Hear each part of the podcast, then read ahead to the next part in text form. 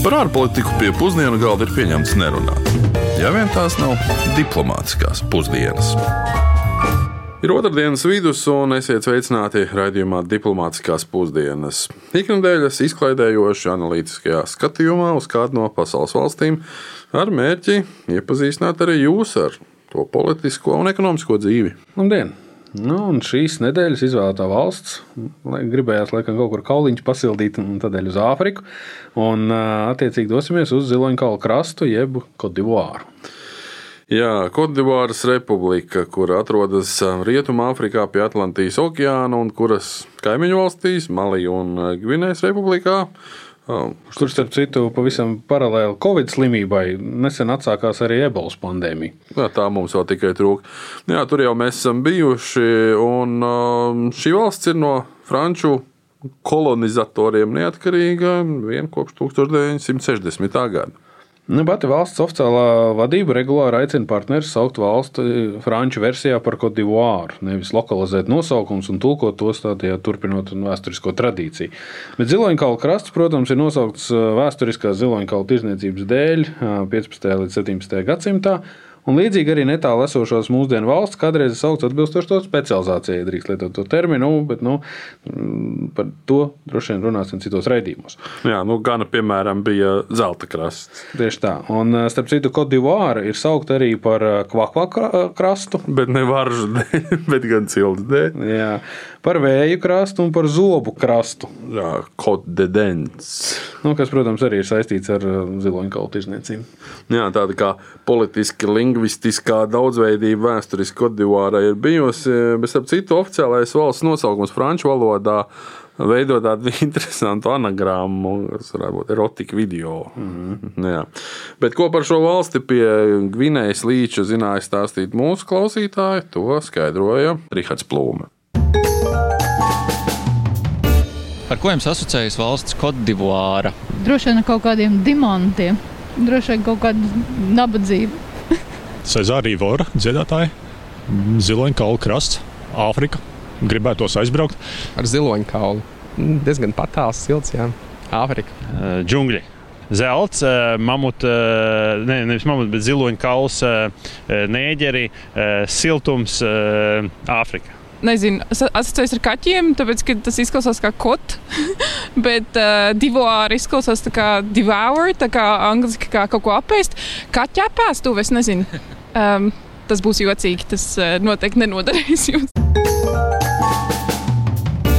Nu, kā jau varējāt noprast, tad uh, Kodivāra, kā daudzas bijušās Francijas kolonijas, kā oficiālo valsts valodu lieto franču valodu. Un, um, tas ir ne tikai koloniālās pagātnes dēļ, bet arī tādēļ, ka nu, 28 miljonus lielo valsti apdzīvo daudzas etniskās grupas, ap kurām lielākā akānu grupa ar rādītāju ir nu, viena zem 30%. Nu, tādēļ arī valsts iedzīvotājs jau dēvē par aivoriešiem. Latvijas mēs laikam tomēr lietotu kodivārieši. Ziloņkaulieši. Jā, nu, tas laikam nebūtu visai prātīgi. Bet uh, arī reliģiskā valsts ir dalīta apmēram uz pusēm. Nedaudz vairāk kā 40% no valsts iedzīvotājiem ir musulmaņi un tikpat apmēram arī kristiešu konfesijām piedarošie. Un etniskā daudzveidība arī bija viens no iemesliem politiskajai nestabilitātei valstī pēdējo 20 gadu laikā. Proti, Kopš neatkarības atjaunošanas Kodivāra varēja lepoties ar stabilu politisko sistēmu, tās prezidentā, ļaujiet man pareizi izrunāt, Feliksa Hufaueta Boiņa vadībā. Nu, viņš arī kādreiz bija cilts vecākais. Jā, tas ir sākums. Jā, jā. Tas arī, protams, sekmē ārvalstu investoru, nu, pamatā franču, pastāvīgi klātbūtni valstī. Bet etnisko attiecību sāsināšanās pēc viņa nāves un 90. gada nu, valdību centieni izstumt no valsts pārvaldes un bruņotiem spēkiem citu etnisko grupu pārstāvis noveda nu, pie pirmā militāra apvērsuma 99. gada beigās. Savstarpējās nesaskaņas ar vēlēšanu uzvarētāju pasludināšanu un varas neatdošanām nu, turpinājās līdz 2002. gadam, un tad sākās pirmais aivoriešu pilsoņu karš. Dabīgi kādu mirkli pamieris, un 2010. un 2011. notika otrais pilsoņu karš. Nu, tas atkal sākās pēc šā brīža prezidenta Alasanes Outāras demokrātiskās ievēlēšanas, nu, ko atzina arī starptautiski, ka tās bija tomēr demokrātiskas vēlēšanas. Un, katrā no konfliktiem dzīvības zaudēja apmēram 3000 cilvēku. No vairums, kā noprotams, tie bija tomēr civiliedzīvotāji. Nu, un kara atsevišķās epizodēs aktīvi iesaistījās arī Francijas armija. Un, starp citu, tikai 2017. gada jūnijā no valsts aizbrauca arī ANO miera uzturēšanas misija. Arī ANO un Eiropas Savienības sankcijas pret Kodivāru tika atceltas tikai 16. gada jūnijā, kad ASV izglītību iegūšais un Starptautiskajā valūtas fondā strādājušais OTR ar 84% vēlētāju atbalstu bija jau atkal pārvēlēts amatā un arī bija jau nu, daudz maz nostabilizējis savu valdību. Nu, pērnā gada oktobrī Kodivārā notika prezidenta vēlēšanas, kurās Ultāra uzvarēja ar 95% balsu. Nu, tas jau sāk pārspēt dažu labu mūsu kaimiņu valstu prezidentu. nu, ne tikai. Bet nu, lielākoties tādēļ, ka lielākā daļa opozīcijas boikotēja vēlēšanas. Nu, principā tikai 53% balstiesīgo piedalījās. Un, uh, viņas tika sauktas par nekonstitucionālām. Uh, neskatoties uz to, ka konstitucionālā tiesa vispār bija lēmusi, ka viss ir kārtībā. Nu, problēma tā ir, ka Autāram šis ir trešais pilnvaru termiņš, lai arī drīkst tikai divus. Bet viņi atkal pirmo neieskaitīja, jo šī prasība pēc, pēc tiem diviem termiņiem vēl nebija faktiski attiecināma uz viņu. Un interesantākais, ka viņš nemaz nekandidēja pašā sākumā uz šo trešo termiņu, bet pirmais viņa atbalstītais kandidāts nomira. Otrais pats atteicās, ka tika apvainots narkotiku tirdzniecībā. Kodivāras opozīcija jau arī īsti viegli neiet, jo nu, dažādas apsūdzības likuma pārkāpumos un aizliegumu kandidēt ir arī apvija šīs 2020. gada vēlēšanas. Bet, nu, Šobrīd stabilitāte Kodivāras politikā tomēr ir vairāk vai mazāk klātesoša, lai arī tomēr šķietami trausla. Bet nu, tad ir jautājums, nu, kādēļ pasaule tik ļoti par to varētu uztraukties? Un ticiet vai nē, bet ne jau vardarbības vai potenciāli migrantu plūsmu dēļ, jo nu, jau iepriekšējie vardarbīgie konflikti un politiskā nestabilitāte rada un radīja pamatīgu satraukumu galvenokārt visu šokolādes mīļotāju sirdīs visā pasaulē. Jā, nu tieši tā. Tā arī kaut kā savādi sanāk, ka mēs satraucamies par Kodivāras politisko likteni un prezidenta autāras uh, smalkajām juridiskajām un politiskajām viltībām un pat pievaram acis uz tām, jo negribam, lai šokolādes cena atkal kāpj, jo satricinājuma dēļ Kodivāra pārstās ražot vai piegādāt pārējai pasaulē kakao pupiņas.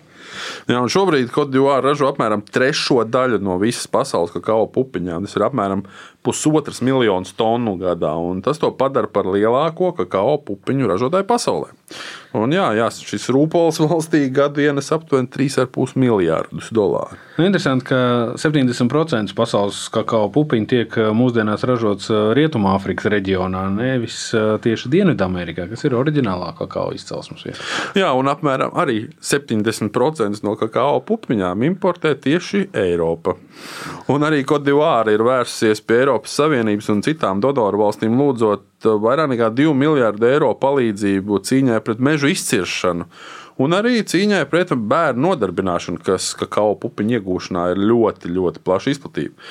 Un, protams, arī šī nauda varētu noderēt, lai atbalstītu vietējos lauksaimniekus. Un tāpēc faktiski nav brīnums, ka pagājušā gada septembrī Eiropas Savienība uzsāka tādu iniciatīvu, no ilgspējas uzlabošanai kakao industrijā. Un, starp citu, arī Eiropas parlaments ir aicinājis izstrādāt īpašu regulējumu, kas ļautu Eiropas Savienībā ievest tikai tādus produktus, kuri nu, respektē šo prasību cīnīties pret meža izciršanu, kuru iegūšanā nav izmantoti bērni, un arī kuri nodrošina cienīgus ienākumus audzētājiem. Nu, jā, nu, mēs droši vien esam pamanījuši arī daudzos citos produktos, gribās zaļās vardītas uz iepakojumiem virsū, tas fair trade zīmīte, kas apliecina, ka šīs produkti no šīm valstīm vai šis konkrētais produkts nav radīts apstākļos, kuros tiek smagi pārkāptas cilvēku un bērnu un ekonomiskās un cilvēku tiesības. Nu jā, un lūk, kā šo vēlmi un arī apņemšanos sadarboties arī ar Kodivāru komentēja Eiropas Savienības vēstnieks šajā valstī Jops von Kirchmans. Alors, déjà, ce n'est pas un règlement, une législation Eiropā mēs esam patērētāji, un mūsu patērētājiem pēdējā laikā ir ievērojami izmainījušās pārražas. Piemēram, cilvēki ir sākuši ēst olas no vistām, kuru audzēšanā tiek ievēroti labturības principi. Pienam ir jābūt no govīm, kuras uzturas brīvā dabā un tā tālāk un tā tālāk.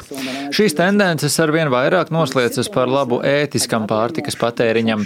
Arvien vairāk gados jaunu cilvēku izvēlas pārtikā nelietot produktus, kuru kuru ieguvēja ir izmantots bērnu darba spēks, kuru ieguvēja ir novedusi pie masveida mežu izciršanas. Vai kakao ir īpaši ētiskāks produkts? Domāju, ka nē. Kakao ir tikai piemērs visiem produktiem visā pasaulē. Ja mēs paskatāmies uz pēdējām Eiropas vēlēšanām, tad uzmanības centrā bija klimata pārmaiņas un produktu dzīves cikls un tā tālāk. Un seko rīcība. Mēs paziņojam, ka vairs nevēlamies patērēt produktus. Un runa nav tikai par kakao. Indijas riekstiem, palmu eļļu vai citiem produktiem. Un runa nav tikai par Kodivāru, bet par visu pasauli. Mēs nevēlamies, lai šādi produkti nonāktu mūsu tirgū, tāpēc arī līdz vasaras sākumam paredzēts izstrādāt un prezentēt jaunu likumdošanu.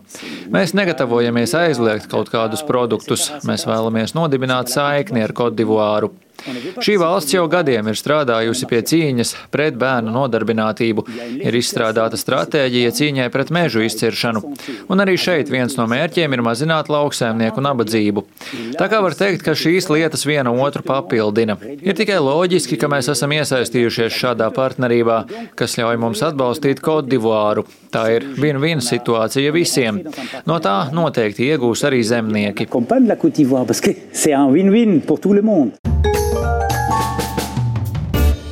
Jā, klausoties par kakao pupiņām, ienāca prātā tas salīdzinājums, ka to varētu nosaukt par Kodivāras brūno zeltu. Bet vai tu zini, kas ir Kodivāras pelēkais zelts? Nu, nu. Tas ir vēl viens produkts, kas tīri labi varētu iet kopā ar šokolādi. Un kas arī ir nostādījis Kodivāru dominējošā pozīcijā pasaulē, tie ir Indijas rieksti. Kodivāra ir lielākais Indijas riekstu ražotājs un eksportētājs pasaulē, starp citu. Hmm. Tāpēc man nekādas saprāšanas, kāda saistība ar Indiju. es joprojām to neesmu sapratis. Kā kakao pupiņām nav oriģinālā saistība ar Kodivāru. Jā. Jā, Kodivāras dominējošo situāciju pasaules kakao tirgu, protams, ļāva nodrošināt tieši ciešās saites ar Franciju pēc neatkarības iegūšanas. Un kakao ražošanas attīstība, eksportam un ārvalstu investīcijas padarīja Kodivāru patiesībā par vienu no pārtikušākajām Rietumāfrikas valstīm. Nu, pārtikus valsts gan ir tāds uh, relatīvs jēdziens, jo pēc Pasaules bankas metodoloģijas Kodivārs IKP uz vienu iedzīvotāju ir 4,5 tūkstoši eiro, pret Latvijas šā brīža 27,5 tūkstošiem eiro. Nu, tas ir atkal cita metodoloģija arī pašas, pašas bankas ietvaros. Kodivārs budžets ir relatīvi uh, daudz mazāks par Latvijas. Nu, proti, Latvija ir nepilni 11 miljardu eiro izdevuma daļā, Kodivārai atkal ir 8 miljardu eiro izdevuma daļā. Nu, varat tikai iedomāties, kādus pakalpojumus faktiski valsts ir spējīga vai nespējīga attiecīgi nodrošināt saviem iedzīvotājiem, ja šis budžets ir jādala uz 14 reizes pēc iedzīvotāju skaita lielāku valsti. Jā, par šo pakalpojumu nodrošināšanu ir jāatzīst, ka tajā pašā kakao pupiņu iegūšanas industrijā ļoti daudz cilvēki saņem ap vai pat zem vienu dolāru dienā, un tas daudziem bērniem liedz iespēju arī apmeklēt skolu. Un, uh, pirms pieciem gadiem, piemēram, statistika uzrādīja, ka valstī tikai nu, nedaudz vairāk kā puse, 53% vīriešu un 33% sieviešu vispār prot lasīt un rakstīt. Un, un vēl vairāk, nu, Kodivāra ir valsts ar vienu no zemākajiem dzīves ilgumiem, ne tikai Āfrikā, bet arī pasaulē. Nu, tas vidējais ir dzīves ilgums tikai 53,3 gadi. Nu jā, bet bez šīm sociālo-ekonomiskajām problēmām ir vēl dažas nu, ilgtermiņa ekonomikas problēmas, proti, uh, jau arī pieminētā nekontrolētā meža izciršana, kā arī ūdens piesārņojums no, no dažiem sadzīviskiem, lauksaimniecības, nebija rūpnieciskiem notekūdeņiem. Nu jā, laukos, piemēram, tikai pusē iedzīvotāji ir pieejama elektrība un vēl mazākai daļai izbraucami zemes ceļi. Un kas vēl ir interesanti, ka Divārai nav arī savas valūtas. Tā vietā valsts izmanto Rietumāfrikas CFA franku, ko kopumā CFA ir franču valodā saīsinājums, ko kopumā lieto astoņas reģionu valsts. Tas ir apvienojušās vienā Rietumāfrikas ekonomiskā un monetārajā savienībā, kuras ietvaros Kodivāra ir faktiski dominējošā valsts, jo veido apmēram 40% no visas apvienības IKP. Rietumāfrikas franks šobrīd ir fiksēts pret lielākajā tirdzniecībās partnerī lietoto valūtu eiro. Jā, politiski gan franka lietošana ir kļuvusi visai nērta, un tādēļ šobrīd aktīvi tiek īstenots plāns valūtu pārsaukt par ekolu. Un ticamākais arī atsaistīt no eiro. Starp citu, par eiro lietojošajām valstīm runājot, ārlietu ministrijas dati liecina, ka Latvijai un Kodivārai vēl pirms pieciem gadiem bija relatīvi aktīva tirzniecība. Proti, Latvija eksportēja telefonus, mēbeles, lampas un citus priekšmetus nedaudz vairāk nekā 100 tūkstoši eiro apmērā. Nu, neko gan vairs neimportējām. Nu, arī tajā brīdī Kodivāra mums bija 139. lielākais tirdzniecības partners. Lai cik būtu paēdis, vienmēr ir vieta arī desertam. Jā, desertā mums tagad tāds sāķīgs jautājums, par ko tad stāstīt. Jo par kakao jau mēs tā kā parunājām. Nu, iespējams, ka jāpastāsta par Kodivāru atrodamo pasaulē pašu lielāko katoļu baznīcu. Jā, ja mums Ukraiņa miera diamātas bazilikas ārējā platība ir apmēram 30,000 km, 3 hektāri, un uh, augstums viņai ir 158 metri. Uzcelta šī pasaulē pati lielākā baznīca uh, tika piecu gadu laikā un pabeigta 1990. gadā. Izmaksāja pēc dažādiem aprēķiniem nu, 300 līdz 500 miljonus eiro. Jā, tā bija agrākā prezidenta Huhoeta Boeinga dāvinājums Vatikānam, un arī pats Jānis Pāvils II arī to pieņēma. Franču kompānija šo būvēja, un šobrīd poļu reliģiskā draudzene to par maksu uztur. Runā, ka vairāk kā miljonus gadā viņi izmaksāja šī uzturēšana. Nu, jā, teorētiski tā varot ietilpināt pat 18,000 dievlūdzēju vienlaicīgi. Gan nekad nesot notestēts.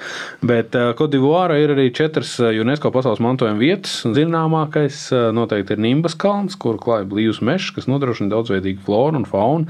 Tos var arī šimpanzi.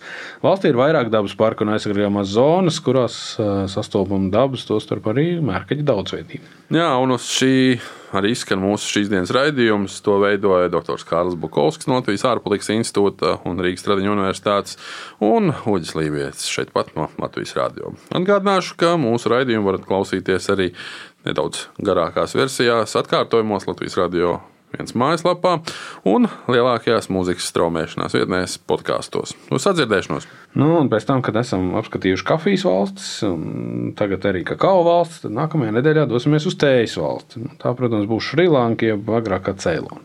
Lai izdodas! Diplomātiskās pusdienas katru otrdienu pusdienos Latvijas Radio 1.